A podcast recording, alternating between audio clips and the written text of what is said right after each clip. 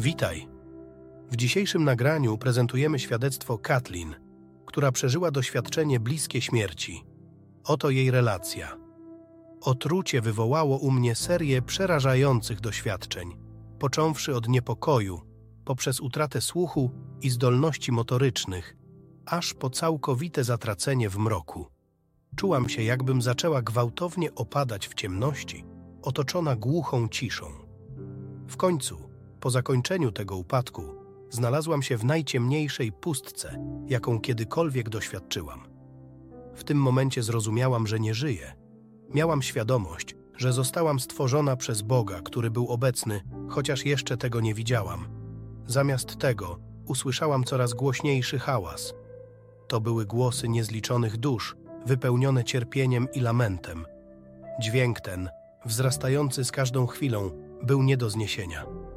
Zrozumiałam, że muszę stąd uciec, ale nie wiedziałam jak, nie mając ciała.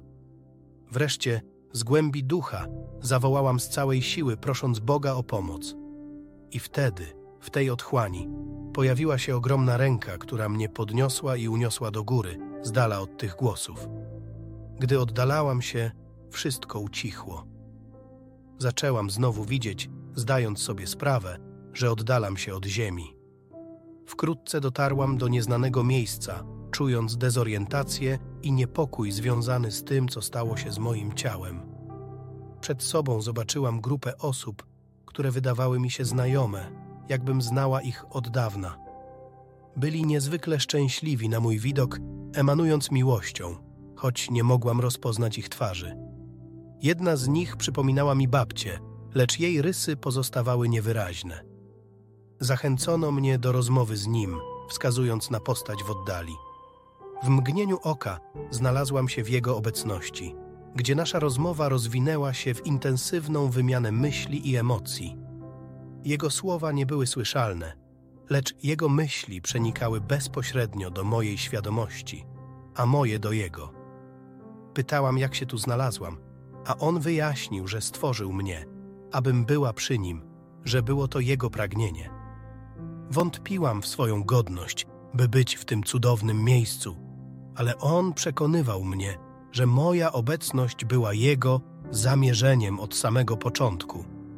Wskazał na głębokie znaczenie jego miłości, której intensywność przewyższała każdą ziemską miłość, nawet tę od mojej ukochanej babci.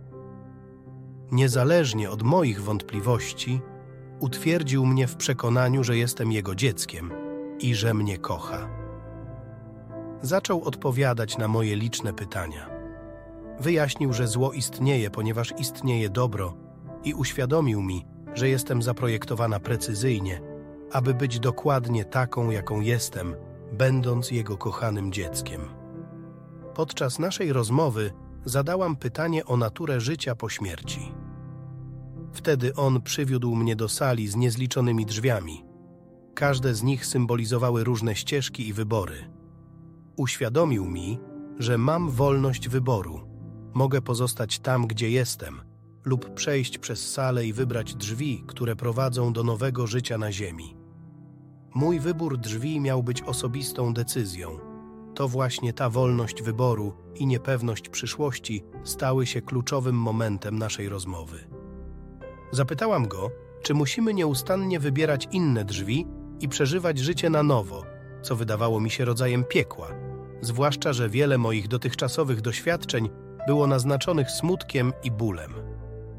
On odpowiedział, że choć niektórzy decydują się powracać wielokrotnie, jego pragnieniem jest, abyśmy pozostali z nim. Zrozumiał jednak moje obawy i wyjaśnił, że przy każdym powrocie na ziemię usuwa nasze wspomnienia poprzednich żyć, abyśmy nie musieli ponosić ciężaru dawnych cierpień. Jego celem jest uczynienie życia czymś pięknym dla każdego z nas. Po przedstawieniu mi wszystkich możliwości, ponownie otoczył mnie swoją miłością, pytając, dlaczego chciałabym go opuścić. Nie pamiętam, abym odpowiedziała. Następnie zapytał, jak się czuję z myślą o własnej śmierci. Odpowiedziałam, że akceptuję ten fakt, ale żałuję, że nie mogłam pożegnać się z rodzicami.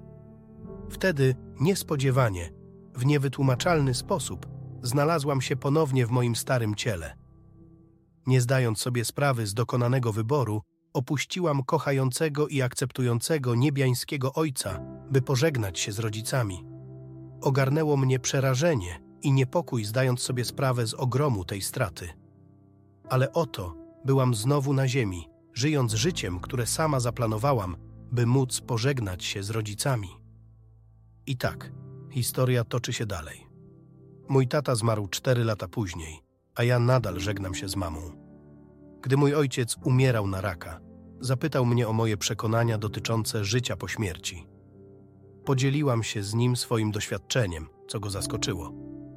Powiedział mi, że jeśli będzie mógł, spróbuje się ze mną skontaktować. Czasami czuję, że mu się to udaje. Po moim doświadczeniu śmierci zaczęłam odbierać sygnały, słyszeć imiona, przeczuwać nadchodzące zdarzenia, takie jak katastrofy lotnicze, zatonięcia łodzi czy wypadki. W większości przypadków nie znałam tych ludzi. Waham się nazywać to darem, gdyż zawsze czuję się bezsilnym świadkiem tych wydarzeń. Tak kończy się relacja Kathleen. Dziękuję za wysłuchanie i do następnego razu.